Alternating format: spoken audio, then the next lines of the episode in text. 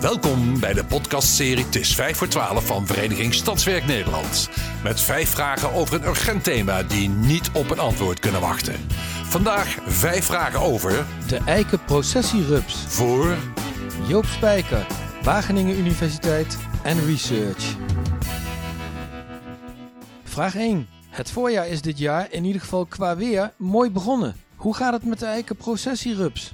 Komt die er weer aan? Ja, inderdaad. eh, het eikenprocessierupsseizoen is, eh, is weer begonnen. Dit jaar op 6 april is vastgesteld dat op diverse plekken in het land de eikenprocessierups eh, uit het eitje is gekomen. En nu heb je meestal hoog in eikenbomen het eerste larvale stadium van de rups dat aanwezig is. En we verwachten dat heel binnenkort de eiken in blad zullen gaan. En dan kunnen ze eten en groeien en dan gaan ze verschillende larvale stadia door. Vraag 2.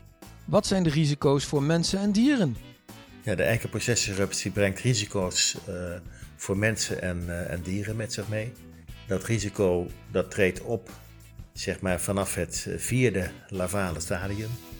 Eh, dat is meestal vanaf half mei, begin juni. En dan hebben de rupsen namelijk een groot aantal kleine brandharen op het lichaam zitten. En die brandharen die zitten op de rups in de nest. En ook als de rupsen naar een volgend larvaal stadium gaan, naar het vijfde of het zesde stadium, in de velletjes die zij afwerpen, die vaak ook in de nesten eh, aanwezig zijn, eh, die zijn ook voorzien van die grote aantal brandharen. En die brandharen die kunnen allergische of pseudo-allergische reacties oproepen als eh, die in aanraking komen, als de huid van mensen daarmee in aanraking komt. Daarnaast zijn in een eh, minder groot aantal gevallen ook klachten aan het luchtwegstelsel mogelijk of klachten aan de ogen als raadjes in de ogen komen. Ook voor dieren zijn er risico's. Kunt u denken aan eh, honden die eh, in, in bermen lopen onder eikenbomen.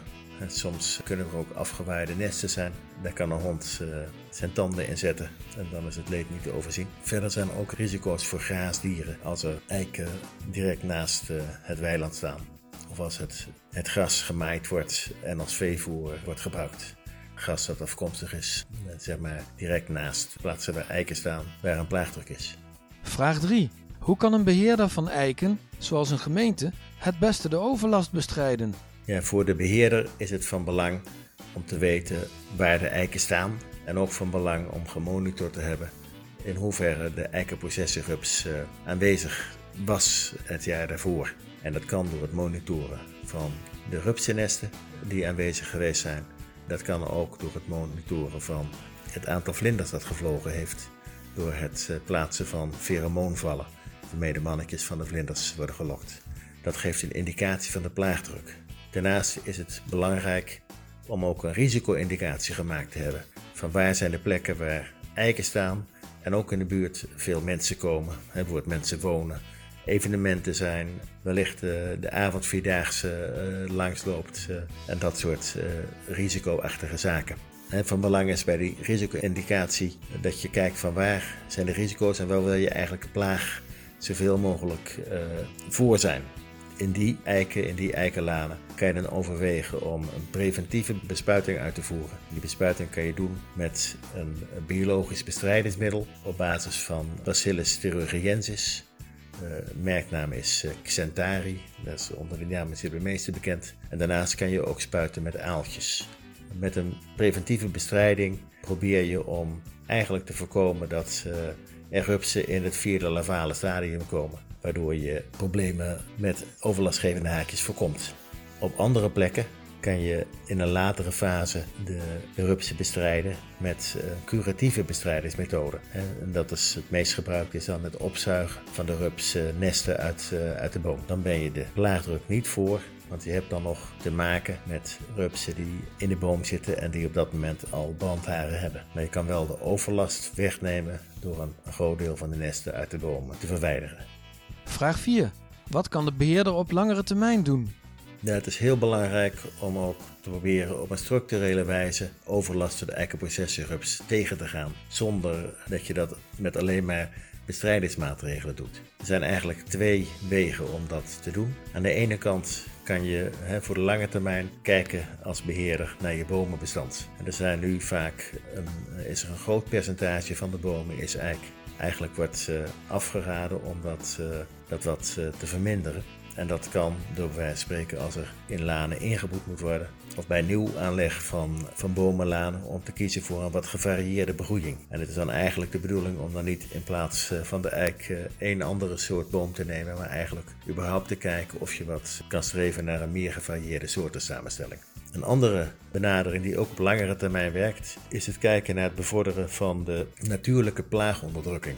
Eikenprocessierupsen hebben een, een, groot aantal natuurlijke vijanden. Het kunnen bijvoorbeeld vogels zijn die rupsen eten, dat kunnen ook vleermuizen zijn die rupsen eten. En daarnaast zijn er ook tal van hele kleine organismen, bijvoorbeeld insecten, sluipvliegen, sluipwespen, die ook heel graag een eikenprocessierups prederen. En die laatste doen dat bijvoorbeeld door een eitje in een rups te leggen en daar ontwikkelt zich dan een larve van zo'n sluipvlieg of sluipwesp die de rups van binnenuit opeet. Kan heel effectief zijn. Maar vaak zijn het wel maatregelen die op langere termijn werken. Wat heb je voor uh, natuurlijke vijanden nodig? Dat is namelijk ook een, een habitat hè, of een uh, omgeving waarin die soorten zich thuis voelen. En dan kan je denken aan bloemrijke berm bijvoorbeeld, waar, insecten kunnen leven en ook natuurlijke vijanden. Je kan uh, kijken naar uh, nestelgelegenheid voor, uh, voor vogels. Hè. Dus dat is, zie je ook veel dat gemeenten en andere beheerders daarmee bezig zijn. Dus een veelheid van maatregelen kan dat bevorderen. Vraag 5.